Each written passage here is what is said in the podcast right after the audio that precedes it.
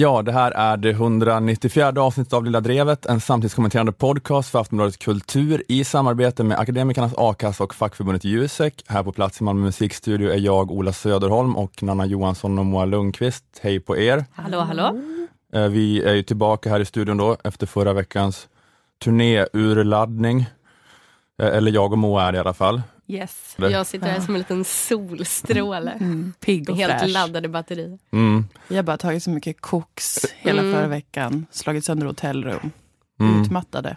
Helt urlakade, tomma skal. Men vi ska försöka bara profylax andas fram ett avsnitt till, Yes! till er här ikväll. Ikväll, till er. Du är så van att stå på scen Så nu Ola. Men, eh, jo, men, ja, men tack så mycket alla som kom och tittade förra veckan på Ja, livepoddarna tack. i Göteborg, och Malmö och Stockholm. Eh, det var sjukt att ni kom allihopa. Ja, det var faktiskt eh, bisarrt gjort. Bisarrt gjort Av er. av er. Vi vill inte skuldbelägga er, men eh, det, var sju- det var sjukt bra. Ja. bra på, sjukt på ett bra sätt. Mm. Ändå jätteroligt att ni kom. Eh, och eh, den här veckan ska vi prata lite grann om Uppdrag granskning och deras metoo-granskning, Mm. eller metoo-granskning, granskningen, Ja. granskningen av metoo-granskningarna. Och Jimmy Åkessons intervju i Värvet. Mm.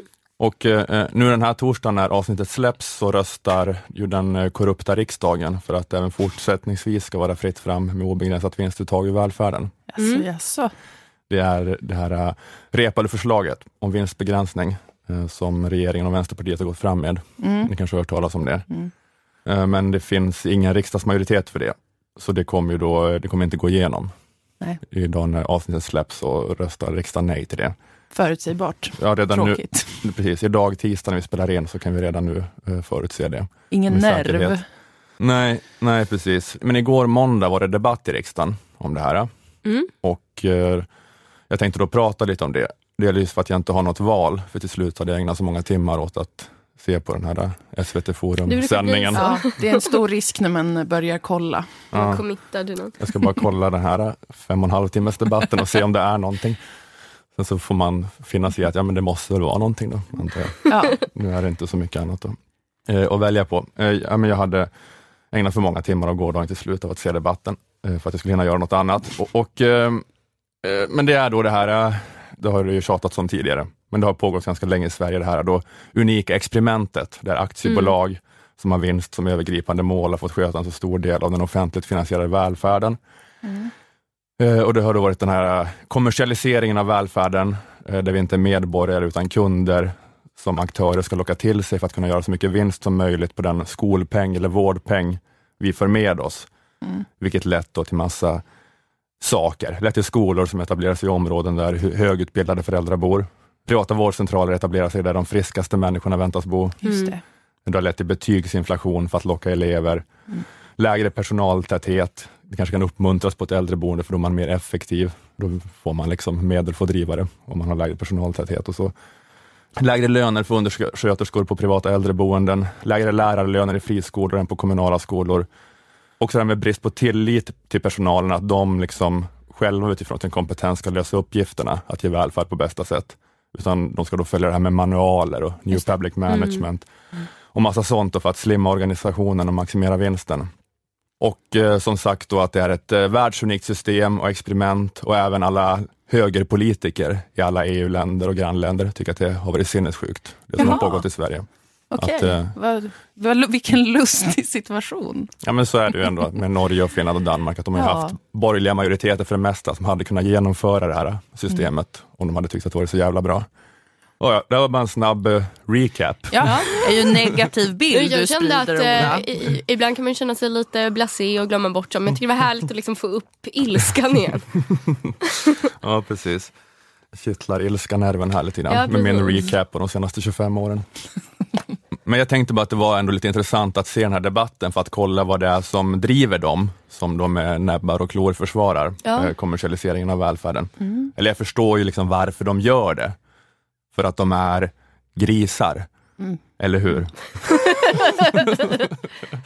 Nej men för att, de är, för att de är köpta av näringslivet De är lobbyister. av välfärdsföretagen. De får Mm. något fint uppdrag sen på Aleris, Mm. sen när de inte längre har riksdagslön. Mm. Förbjud det.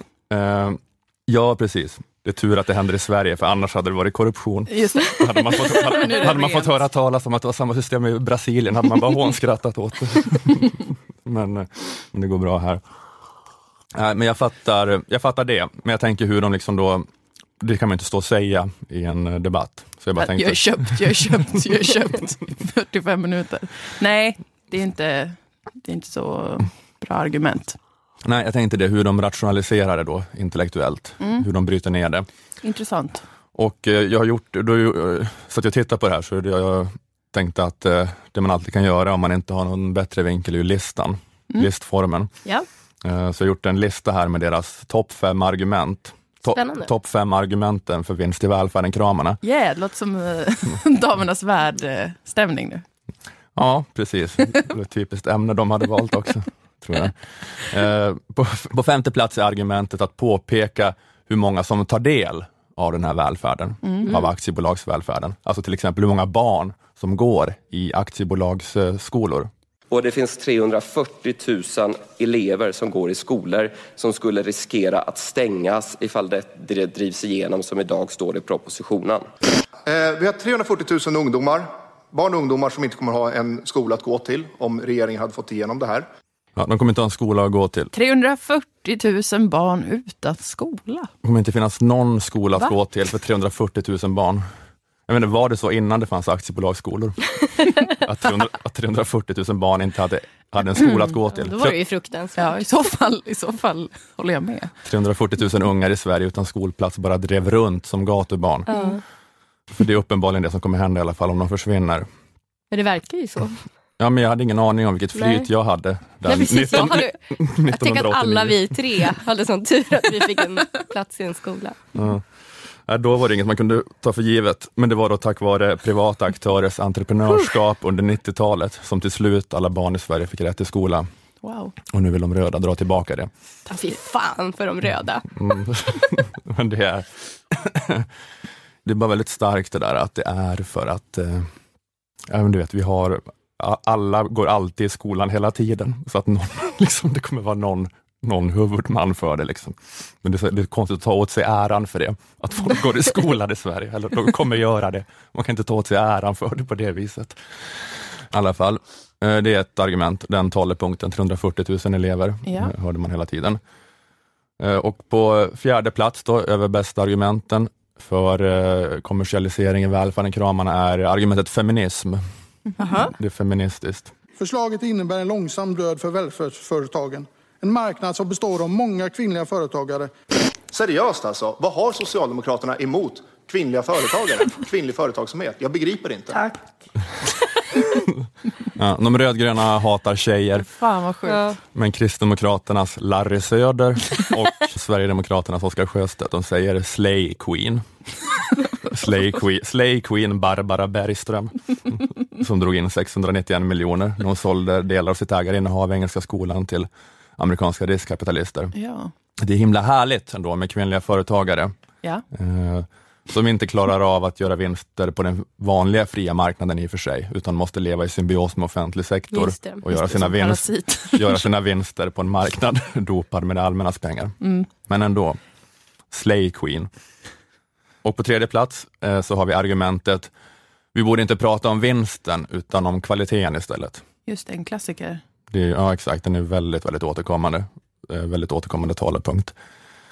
Här när jag har sett på den här eh, debatten i riksdagen och så såg jag också när de debatterar i Agenda i söndags, så är det särskilt då centerpartisten Emil Källström som hela tiden återkommer eh, till att det är den här meningslösa charaden som den här debatten om vinst är. Det har gjort att politiken inte har ägnat energi åt det som verkligen hade kunnat göra skillnad eh, för att åtgärda problemen i välfärden.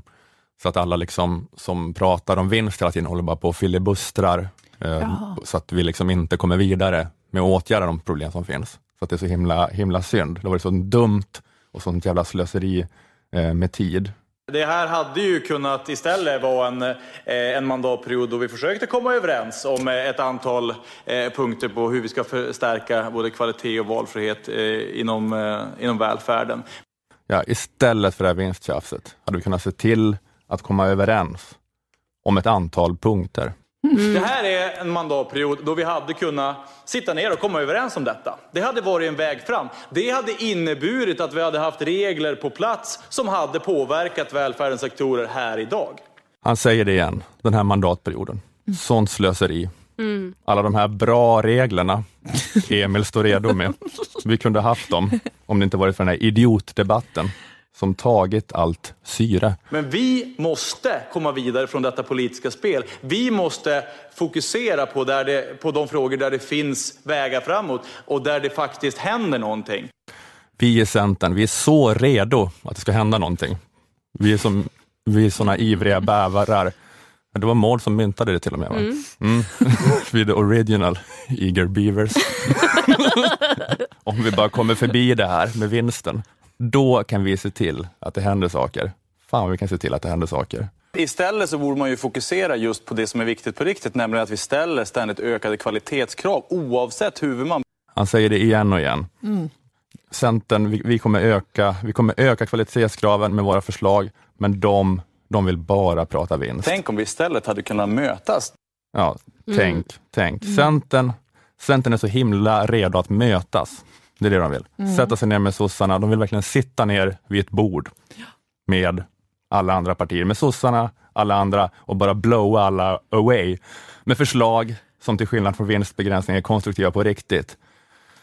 Så, nu har vi hört honom här i timme efter timme prata om det här. Ni har hört hur jag... Kändes så många timmar. Ja, precis. Det bara pågår och pågår. Vad är då deras förslag? Nu är man ju sugen på Ja, att nu få höra. är man. Nu vill man veta. Vad kan det vara? Vad vill ni? Ja, hur hårda regler vill du ha? Vad vill du ha? Eh, Det är, svårt, det är svårt ska man säga att, eh, att göra regler på det här området och det är därför man behöver komma överens brett. Eh, Det handlar ju om att ställa krav på vilken kompetens man måste ha för att driva en viss verksamhet. Till exempel vilka tekniska förutsättningar man måste ha i vissa, i vissa verksamheter. Vi har ju hela tiden sagt att alternativet till det här Reepalu-haveriet det är ju att vi sätter oss alla partier, kommer överens om hårda kvalitetskrav som gäller oavsett stor eller liten, ideell, privat eller offentlig. Vi ska sitta ner, vi ska komma överens. Vi ska, vi ska prata med varandra, vi ska komma överens, hitta krav. Nej, men det, poängen var bara att det här var absolut ingenting. Nej. Jag vet inte om ni hörde det. Jo, Men- det, faktiskt, jag hörde tillstymmelse av ingenting där. ja, det var 36. Jag hörde att vi behöver ha tekniska krav och vi behöver kvalitetskrav. Vi måste sitta ner. Och vi ska... Vi ska sitta ner och det var, ja, men det var 30 sekunder av ett ganska koncentrerat ingenting. Ingenting konkret alls. Eh, och jag hade ju hört honom då gorma i så många timmar om allt fantastiskt som skyms av vinstdebatten. Och så var det ingenting. Lite av ett antiklimax. Mm. Nej men han sa, det är svårt. Då är det. Just det. Nu frågade jag, men vad vill ni göra då? Ja men det är ju jättesvårt, sa. Det är svårt att göra någonting. Jag kan tänka mig att det är svårt just att komma runt det här att aktiebolag eh, är aktiebolag. Ja. Att om man stoppar in pengar i något som är ett aktiebolag kommer målet att vara att få ut vinst i första hand, inte att få ut verksamhet eh, i första hand så att säga. Det är svårt liksom, att hitta regler som gör att aktiebolaget ska arbeta mot sin natur, Ja. gå mot aktiebolagslagen men fortfarande vara ett aktiebolag. Det är liksom den gordiska knuten de försöker lösa hela tiden. Så jag förstår att det är jätte, jättesvårt. Så jag har respekt för det, i och för sig. Snyggt. Det, det, det, det, jag säger inte att jag hade klarat av det här bättre Nej. än Emil Källström. Men, eh, men ändå lite av ett antiklimax när han hade lovat. Liksom. Mm. Det är som tidningen Filter.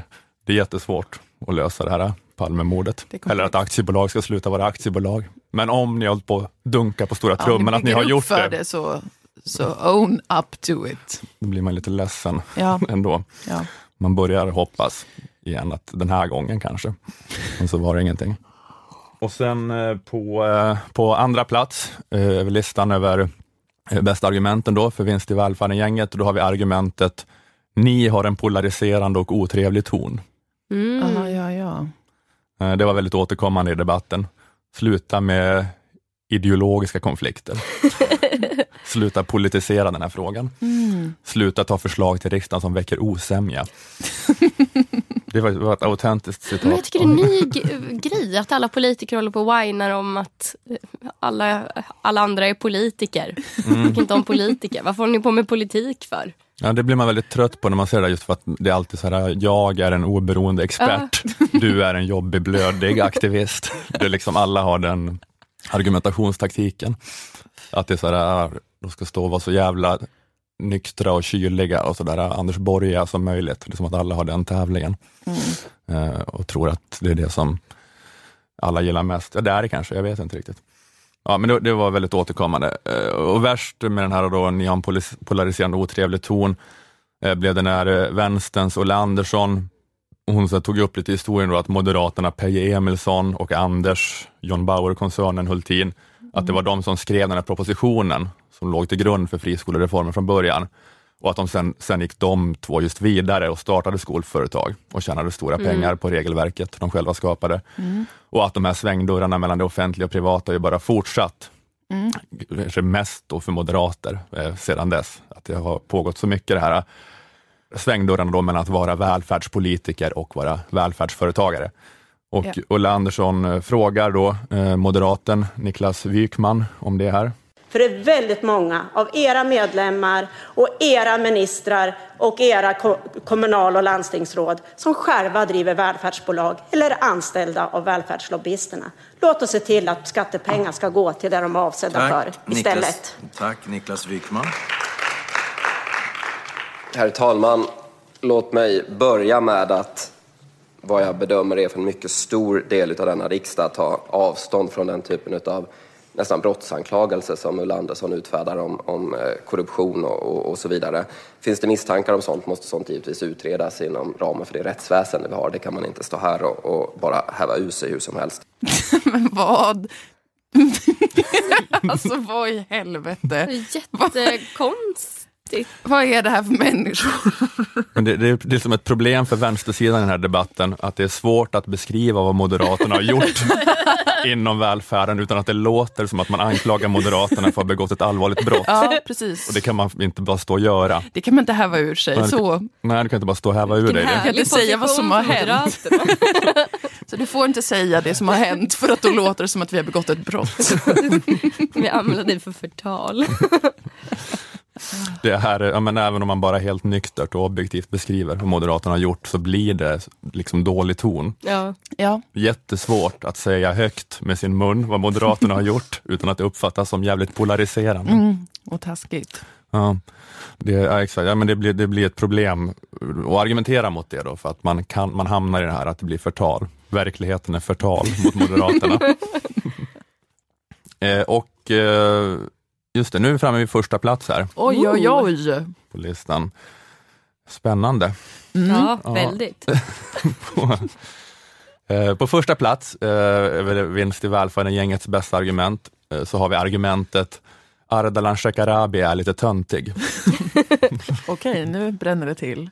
Ja, civilminister Ardalan Shekarabi som har varit sossarnas då främsta ansikte utåt för det här vinstbegränsningsförslaget. Ardalan Shekarabi har ju ett högt tonläge, nästan lite som man hörde på teater kan man väl säga. Tack fru talman. Ardalan Shekarabi har inte bara glömt att ta på sig slips idag, han glömde också att svara på min fråga. Wow!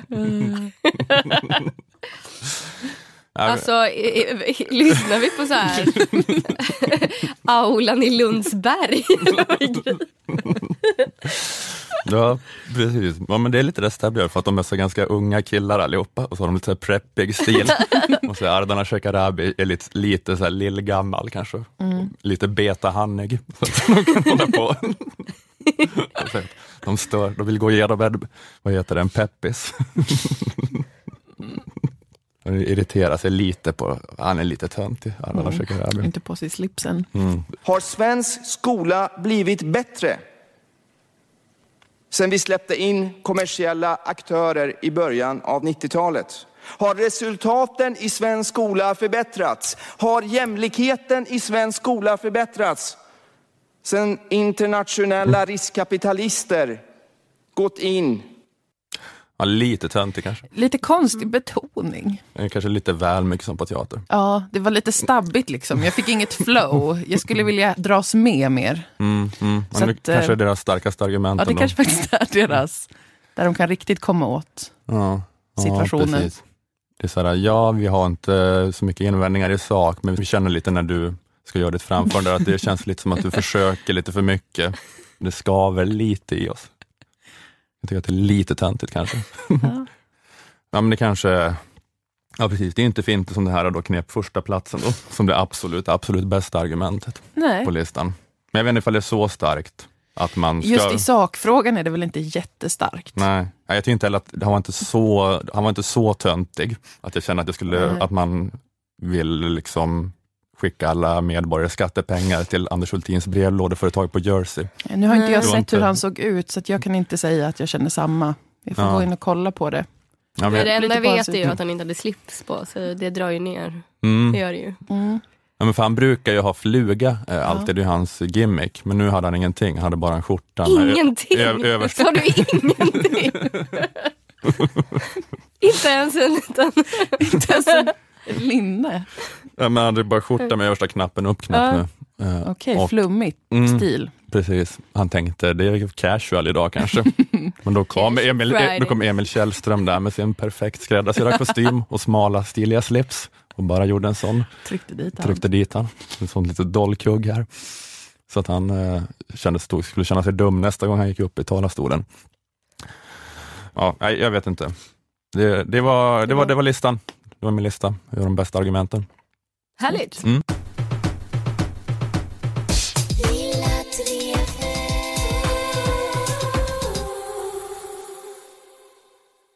Det har pågått en tävling på eh, Twitter. Det är inte den evigt återkommande tävlingen mellan er två, vem av er som tittar mest på en partiledardebatt. Men jag vill just bestämt hävda att jag skriver emo-tweets när jag ser den. Okej. Mm, mm. Ola skriver pretto-tweets.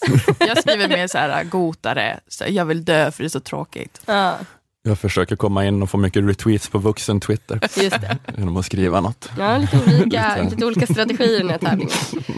Men inte den jag tänker på. Eh, Nej. utan jag tänker på ehm, att det har tävlats i vem som egentligen lyssnat minst på intervjupodden Värvet. Jaha, den är fortfarande Mm, mm. alive and kicking. Ja, Det är en eh, grej som folk brukar säga då kanske i den här tävlingen. Ja. Jaha, pågår värvet fortfarande? Ja, Ja, det är det är faktiskt- exakt det. Jag ska läsa upp nu en, eh, några bidrag i den här tävlingen. en skriver. Att värvet fortfarande finns kvar är väl den största chocken. Det det. Vem lyssnar på det fortfarande? Ingen. Inte Moa i alla fall. Nej, knappast jag i alla fall. En annan skriver.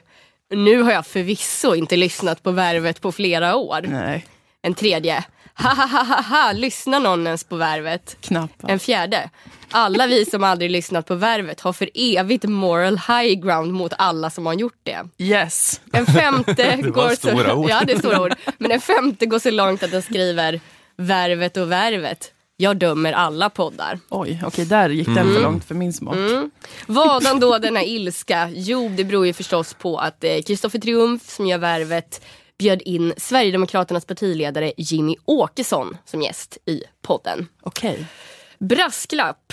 Från och med nu kommer jag inte säga något som inte redan sagts. Men jag kommer säga det ändå, för jag tycker det behövs sägas gång på gång i dessa tider av extremt normaliserande av rasism. Brasklapp 2. Det är osnyggt att snacka skit om kollegor. Men jag håller verkligen med om kritiken mot värvet. Jag är också superbesviken på Kristoffer Triumf. Jag tycker det är extremt oansvarigt att bjuda in en främlingsfientlig partiledare i sin myspodd. Inte minst under en pågående valrörelse. Eh, värvet som jag tror att vi har varit med i. Nej, inte jag. Jag har Nej, faktiskt aldrig hört det. Det är nog bara du som har det. Nej. Jonathan har väl också. Och Liv har väl också. Ja, Liv har det. Ja, ja. ja men, men jag, tänkte på som är här i Ja, rummet. okej. Mm. Nej, men vi har inte det. Nej, okej. Jag och Moa är några platser under Jimmy Åkesson. På- Så ni har lite mer över- moral high ground. Jag har Mm. extremt mycket moral high ground. Ja, ja. Eh, men värvet det är ju i alla fall eh, en enda stor avrunkning. Det går liksom inte att komma runt den saken. Det är en podd där man får sitta och prata om sig själv i en timme, svara på smickrande frågor och undvika frågor som man inte vill svara på. Värvet är journalistik på samma sätt som typ smurfhits är musik. Och det säger jag faktiskt inte dömande, jag menar bara att det inte är det utrymme som är mest lämpat att hysa Jimmy Åkesson. Det är ju klart att Jimmy Åkesson ska intervjuas eftersom han är en makthavare. Han ska intervjuas i Studio 1, Agenda och så vidare. Men han behöver inte intervjuas i Sköna Hem, Min Häst eller Värvet. För det är ju där normaliseringen av rasism sker. Den sker inte i en partiledardebatt. Den sker inte när Thomas Ramberg vrider och vänder på ens uttalanden. Den sker när man är med i Sveriges främsta avrunkningspodd och får prata lite lättsamt om sina synfel och att man gillar serien Vikings. Ska Jimmy Åkesson bemötas? Alltså det var ändå lite, det, det var ändå någonting tycker jag med Vikings. Ja, det är det Då, då, då känner jag, det hade ändå någon slags journalistisk kvalitet. Att få, att få, få ur honom det. Brann det till. Men er- ska något. Jimmy Åkesson bemötas så ska han bemötas med fakta och pålästa frågor. Han ska inte bemötas med frågor som Är det fortfarande en hemlighet att du snusar? Vilket var en av många edgy frågor han fick i podden. Mm. Är det det? Nej det var det inte. Nej. Men eh, Triumf har skrivit ett svar på all den här kritik han har fått eh, sen Jimmy Åkesson var med i Värvet. Eh, och han menar att det var en damned if you do, damned if you don't situation. Och visst blev det det. Det blir en sån situation när man har med en rasist i sitt mysprogram. Om man myser med rasisten så är man en rasistmysare. Och om man är otrevlig mot rasisten när man är trevlig mot alla andra gäster så får rasistens följare vatten på sin kvarn. Och då är Jimmy en mobbad underdog och jäda jäda och buhuhu. Ah. Så ja, bjuder man in rasisten till sitt mysprogram Ja, så blir det en damned if you do, damned if you don't situation. Men det hade ju inte behövt vara det om man inte bjudit Jimmy. Ingen förväntade sig att han skulle bjuda Jimmy. Det var ingen som satt och undrade varför just Jimmy Åkesson ännu inte varit med i Värvet. Kanske en gubbe som bor i en bunker någonstans undrade det, men ingen rimlig människa. Det fanns noll krav från samhället på att ha med Jimmy Åkesson i Värvet. Det är inte som när en åttaåring har kalas och man måste bjuda alla i klassen. Till och med det där knepiga barnet som ber alla lukta på hans finger. Den kalasregeln gäller inte när man är vuxen och har en podd som man bestämmer över helt själv. Alltså bara för att man har en plattform så behöver man inte dela den plattformen med precis alla idioter som poppar fram. Nej, nej precis, för det var det jag trodde du först sa när det var damned if you don't. Och då tänkte jag att det är väldigt svårt att se det, det är liksom mig inte med drevet mot värvet. Att det Ja, precis. Mm. Eh, men jag tänker så här, eh, att det kanske är att Kristoffer uh, Kristoffer Triumf har förväxlat sig själv med eh, public service. Mm. Att han tänker nu att värvet har blivit så stort och liksom allomfattande att han nu har krav på sig själv att vara opartisk och låta alla sidor komma till tals. Mm. Ja, ja. Men värvet är ju inte public service. Nej, visst är det inte. Det Nej. är ju inte det. Det är ju Sveriges främsta avrunkningspodd. Mm. Och om det var public service så skulle jag inte få nämna så många varumärken. Am I right? Snyggt. Nej, jag, eh, jag har inte så mycket mer att komma med än det. Att jag, är, jag är besviken. Jag hoppas att det inte händer igen. Nej, det hade varit konstigt. Ja, det hade varit väldigt konstigt så här, gäst igen. Jimmy Åkesson. Men Det kanske är i och för sig då det med, med apropå, apropå reklamen, att han har Ja. Jimmy Åkesson-crowden. Men det måste ju också varit stor lyssning på det avsnittet. Alltså, jag, nu ser jag inte det här för att vara med i tävlingen, inte lyssna på Värvet, men jag har inte lyssnat på Värvet på flera år. Och jag jag- lyssnade ju på det här avsnittet. Mm. Ja. Och så fick, sen ju, då fick de ju Acast pengar och allt möjligt för det. Just det. Mm. Ja, det var så länge sedan jag lyssnade på Värvet, så Ja, det kan jag inte förstå. så länge sedan. Men Jag för brukade mig, ju lyssna länge på. Värvet i min ungdom då när jag fick gå 10 mil till skolan i snöstorm. brukade jag lyssna på Värvet. Jag, ja, din ungdom, men när du inte lyssnat typ i tonåren? Jag lyssnade ju när jag var... Slutade kanske när jag var åtta, Oj. lyssna på Värvet. Okej. Då var jag klar med det. Wow. Ja. Ja. Ja, men, ja, men, ja, det är så jävla konstigt det där med eh, Alltså överhuvudtaget den här grejen med att ha med politikerna i de här sammanhangen. Att det är så Mm. jäkla Alltså de ska få prata till punkt. Alltså den här tron att det är en bra idé att politikerna ska få prata till punkt Ja, utan motfrågor. Att det är massa så här som inte då är liksom, eh, erfarna politiska reportrar som tror att nu knäcker jag koden som Thomas Ramberg och de inte har förstått. Men det är mer att jo, de har förstått att det är helt meningslöst Ja. för de har övat på det här i 40 år. Så kommer ni där bara och ställer en öppen fråga och så kör de hela bara sin propagandagrej då oemotsagd. Alltså det är så himla himla meningslöst. Det finns något som heter Tal till nationen Jag som SVT gör. Det. det är också bara, nu får du till och med vara själv i ett rum. Alla partiledare får bara vara ensam Mm. i ett rum. Det ska inte ens finnas någon annan närvarande när de pratar. Mm. Det är så himla himla sjukt. Och så ska de bara fantisera om hur Sverige ska vara 2028 och sånt där. Och de, ja men det är verkligen, det är, det är faktiskt ännu värre än det här vad Emil Källström sa, det är det mest koncentrerade ingentinget jag har sett i Ja. svensk media på flera år. Det Alltså, jag var såg- faktiskt skräckinjagande tomt Ja, så- att se. Det gjorde ont Mm. av tomhet. Nej, Det var hemskt. ja, det var verkligen så, man bara kände hur man i sitt bröst bara föll. Ja. Någon sån koncentrerad jävla tomhet. bara, jag har aldrig sett något så tomt som Ulf Kristerssons 15 minuter där. Nej, Så, vad fan sa han? Han bara, sa, han bara pratade som ett så här, jag vet inte, som en så lobotomerad tala till ett barn. Och, Mm. I framtiden är alla semlor fettfria. ja, men det, jag kommer vara så smal.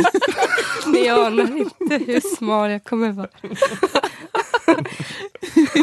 Man kommer se mina höftben sticka ut även när jag står upp.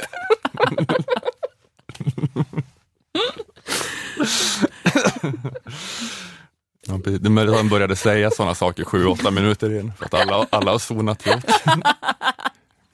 Min BMI kommer vara 18.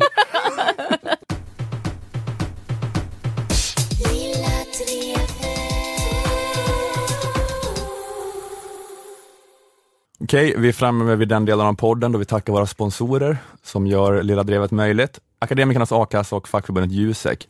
Eh, är du akademiker ska du gå med i Akademikernas a-kassa, endast 110 kronor i månaden och då får du upp till 20 000 i månaden om du skulle befinna dig mellan jobb. Eh, du bör ju även vara med i facket såklart. Det allra mest ögonfallande skälet, det är ju inkomstförsäkringen. Eh, du som jobbar som jurist, samhällsvetare, ekonom, kommunikatör eller inom HR och IT ska gå med i fackförbundet Jusek. Då är ni skyddade upp till 80 000 kronor. Ni får 80 procent av lönen upp till 80 papp. Att vara med i Akademikernas och Jusek kostar 351 kronor sammanlagt. Är du redan Akademikernas medlem lägger du alltså bara till 251 kronor för att också få vara med i facket. Och du kan gå in på jusek.se vi vet. För Jusek har just nu också kampanjen Vi vet, eh, som handlar om att Jusek är fackförbundet som har koll på just dina behov i arbetslivet. På jusek.se vi vet så finns det ett erbjudande som gör att det är extra förmånligt att gå med just nu. Vi säger inte vad det, vad det är för någonting här i podden, utan det är en superspännande cliffhanger som ni får, ni får gå in och skriva in det i adressfältet, jusek.se vi vet, så får ni se, eh, ser det här förmånliga erbjudandet. Tar ni steget och går med i Akademikernas a-kassa och snedstreck eller fackförbundet Jusek tack vare den här podden får ni gärna eh, meddela a-kassan och facket det. Ni kan också skriva om det i sociala medier under hashtag lilla drevet. Tack så mycket. Tack så mycket.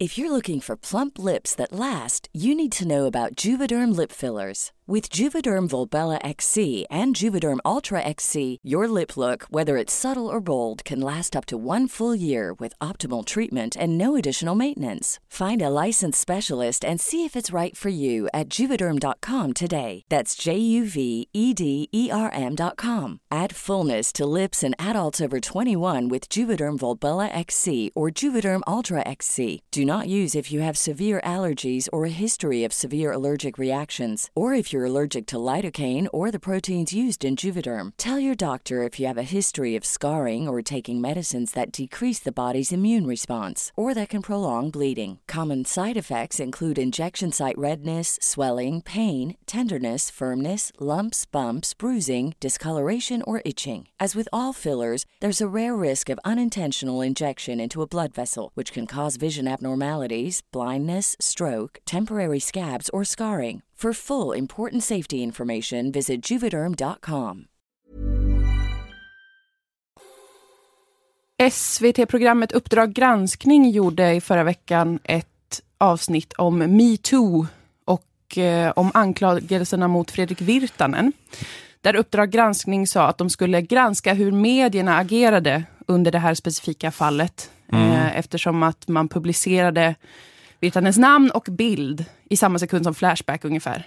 Det kom Mm. upp på Flashback, två sekunder senare så publicerade alla stora medier det. Eh, Virtanen blev då anklagad av Cissi Wallin för att ha drogat och våldtagit henne för ett antal år sedan. Hon gick ut med hans namn på sin Instagram och strax därefter så då eh, var namnet överallt och bilden. Hur som, Uppdrag gransknings uppdrag var alltså då att granska medierna. Det var deras ambition. Men eftersom att det är ett otroligt uselt program som inte ens kan granska något som är jätteenkelt att granska. Jag vet inte vad det skulle kunna vara, men tänk er det enklaste man kan granska. Det kan de inte granska. Så därför kunde de inte heller granska det här Shot, överhuvudtaget. shots fired. Shots fired!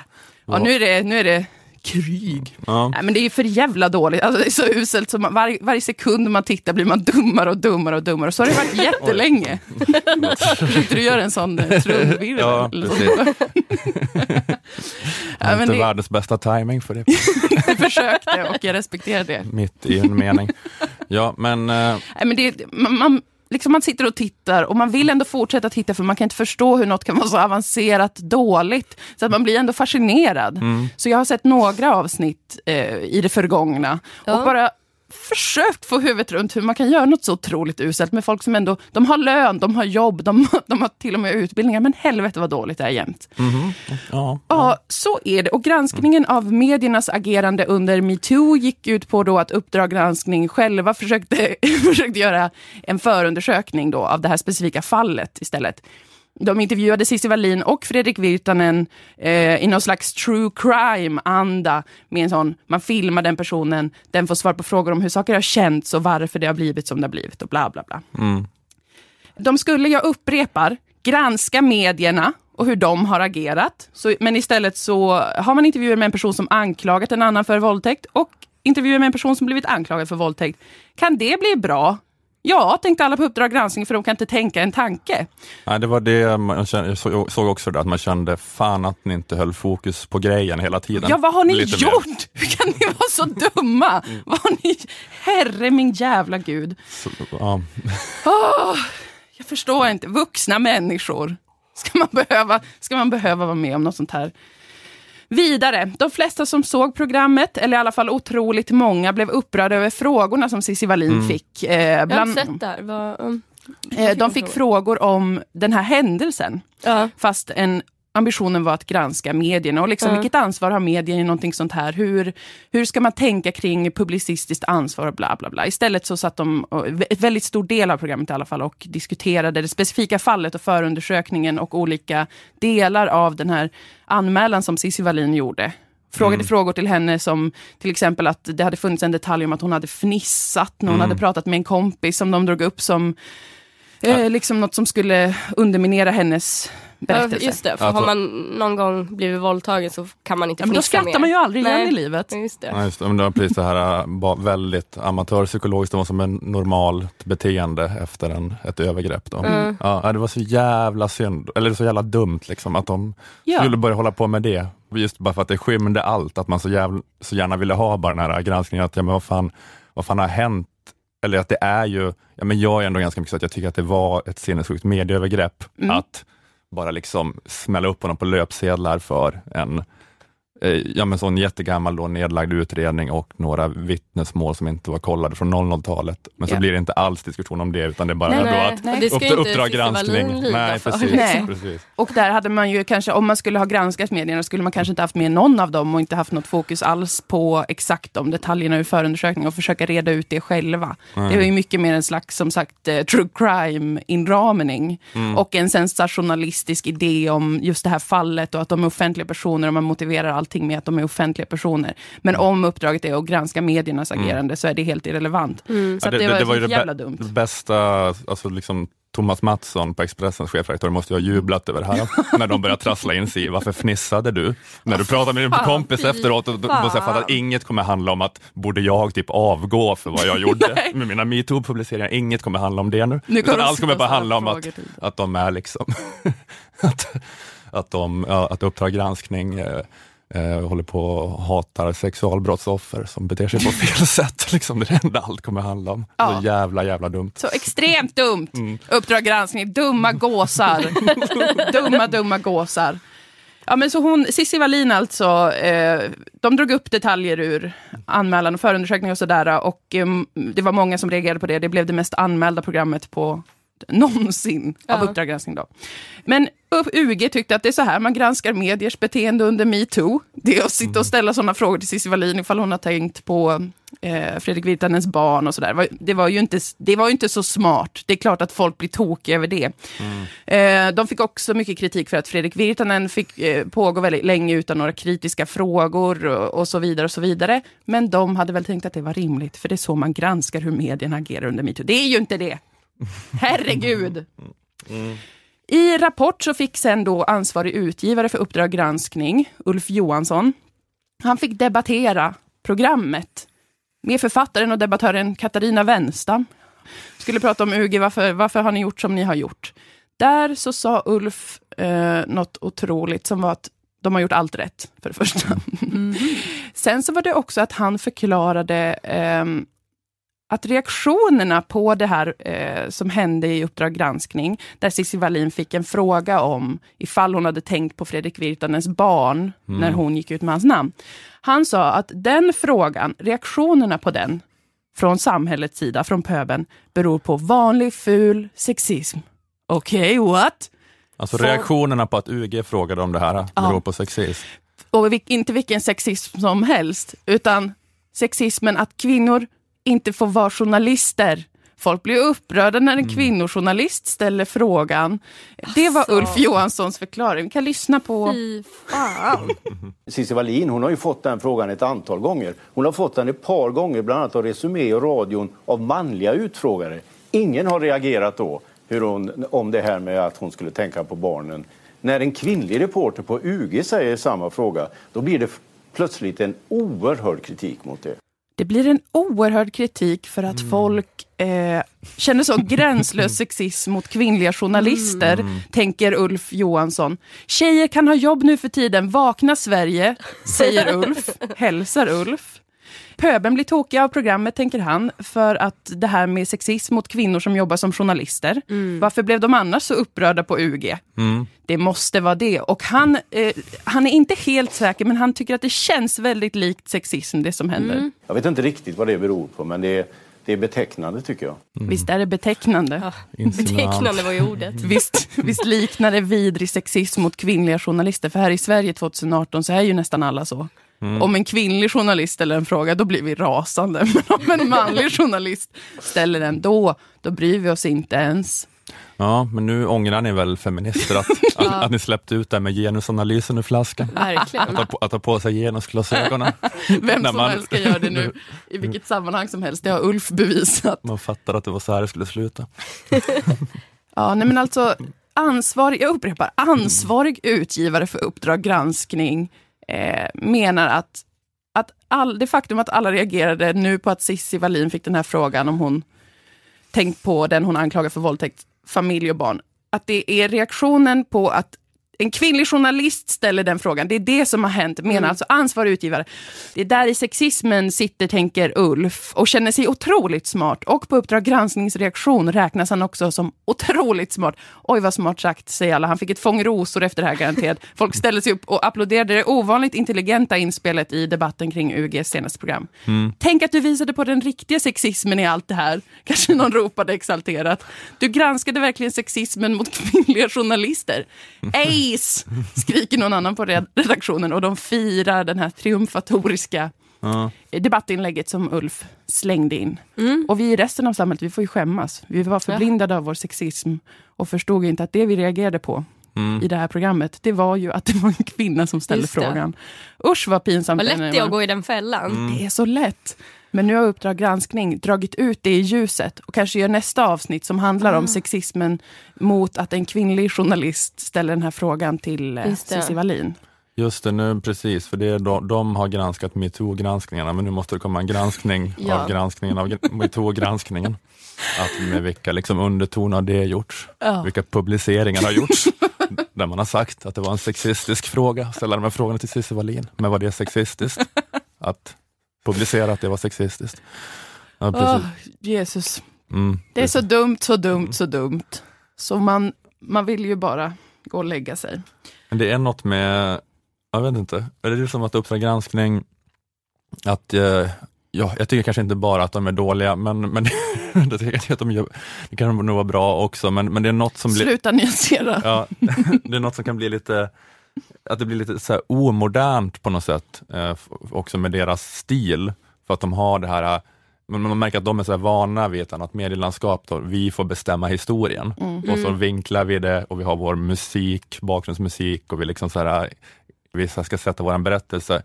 Och det är liksom och det kraschar i dagens medielandskap på något vis. Mm. Att dels att Cissi Wallin hade motfilmat den här intervjun och hon har då liksom ja, men typ lika många klick på den som Uppdrag granskning tittare, Ja. då hon har så film, lagt upp den ohklippta versionen utav intervjun, så att hon kan liksom välta Uppdrag granskning nästan då bara, Mm. som egen person.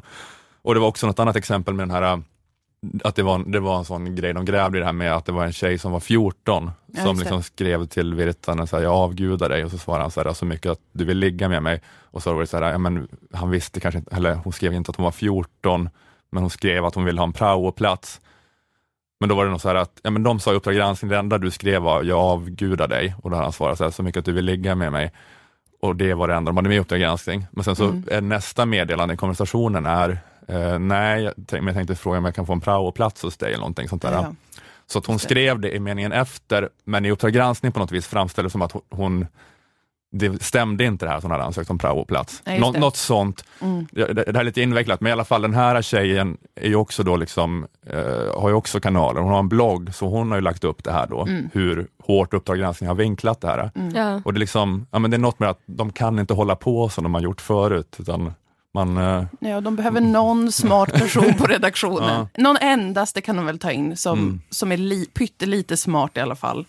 Som kan gö- för vi behöver ju ett granskande program, det är ju skitkul om vi kan få ha det. Men Mm. inte det där slasket. Men jag tror också bara att de måste förstå då eh, eh, att, eh, ja, men, men det är just det här att alla är så himla media, mediavana idag och alla liksom förstår mycket mer hur det här med vinklande fungerar och så. Mm. så att man kan liksom inte hålla på med det här blåsa rök i folks ansikten, och, utan alla, så jag tror man måste ha bara någon sån menar, att man bara har någon sån helt så ärlig och öppen approach när man gör journalistik på ett annat sätt. Man kan inte ha det här hårda historieberättandet lika mycket. För Nej. Att, för att det, ja. Och jag lägger tusen Mm. spänn på att de också tänkte att det här skulle, genom att ha med honom och låta honom bli intervjuad, att Mm. det skulle skapa jättestora reaktioner och det skulle skapa intresse för programmet. Mm, För ja. SVT och eller public service vägrar sluta tävla om de Ja. klicken och om de, liksom, den uppmärksamheten. Och det blir sånt här skit då. Fan vad provocerande. Jag har bara sett lite, lite liksom snippets eh, Mm. angående detta. Och så bara känner jag, jag, eh, jag pallar typ inte titta på det. Jag vill inte Nej. se honom sitta där och, och böla liksom. Nej, det var obegripligt varför de skulle ha med det också. Alltså de gick in verkligen på detaljnivå i Och den fallet. där eh, liksom barnfrågan är så jävla gränslös. Ja. Jag, jag får en väldigt cynisk känsla av att de vet vad de gjorde, alltså att de vet exakt vad det skulle skapa för reaktion. Alltså jag får en sån Mm. verkligt, eh, jag tror inte att det bara kan ha gått igenom Att det inte flera var instanser. aningslöshet. Liksom. Nej. Jag tror fan inte det.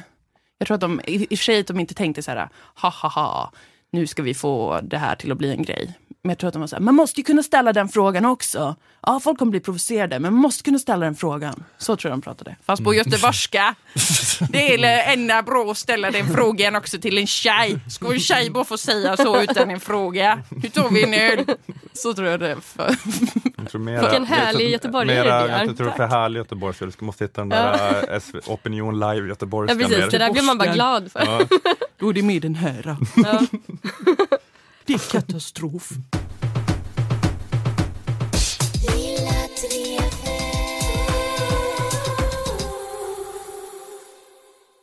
Jag har startat en webbshop. Just wow. det. Ja, ehm, som finns på Etsy om man söker på Nanna Johansson som ett ord där. Eh, så kan man hitta typ prints och t-shirtar. Och det ska komma fint. mycket mer. Jag planerar nu att göra leggings. Wow. Yes! Jag kommer vilja köpa det för att jag bor på Möllan och Mm. kommer vilja gå runt i leggings. Mm. Men är det med liksom motiv från dina Ja, enrutingar och så? ja, allt är mina illustrationer. Så. Mm. Underbart. så det kan man kolla in om man vill. Ja. Härligt. Surfa in, surfa in där och surfa runt i några timmar. Det finns, eh, hittills finns det bara sex produkter. Just det. Men Nej men det lät jättefel. ja, då var jag tvungen att fundera lite Sex där. Stycken produkter. för jävla Mix Megapol-skämt. vi, har, vi har fastnat i... ja, nu blev det lite eh, busigt här. Ja. Det blev lite naughty comedy. Eh, Okej, Jag kan säga faktiskt, för att nu kommer inte jag vara med med i Lilla Drevet innan sommaren. Nej! För jag ska jobba med något annat. Men, men vi kanske kommer tillbaka innan 31 augusti. Eller inte, man vet aldrig. det tror jag väl att vi gör i och för sig. Okej. Ja, men Då det här är i onödan. Hur många fler avsnitt är det nu? Vi kör nog i alla fall två avsnitt till. Mm. Men eh, jag tänkte bara säga att eh, 31 augusti och 1 september så, så kommer jag och eh, Dilan och, eh, och Tora och Elvira. Jag börjar kalla alla bara vid först, första namn nu. Jag är med på Lund Comedy Festival. De biljetterna kommer släppas ganska snart. Mm. Jag och Dilan kommer Nice. premiärvisa ett avsnitt av vår serie och ha frågestund. Och sen så på lördagen så kommer vi köra impro på mejeriet. Gud vad kul. Så att Mm. köp biljetter så fort de kommer. Okej, men då, då, då är vi klara då. Ja. Vi säger tack till eh, Aftonbladet Kultur, Akademikernas a-kassa och fackförbundet Jusek. Tack till Malmö musikstudio där vi spelade in. Jag heter Ola Söderholm, ni heter Nanna Johansson och Moa Lundqvist. Vi hörs igen om en vecka. Hej hej! Hej då!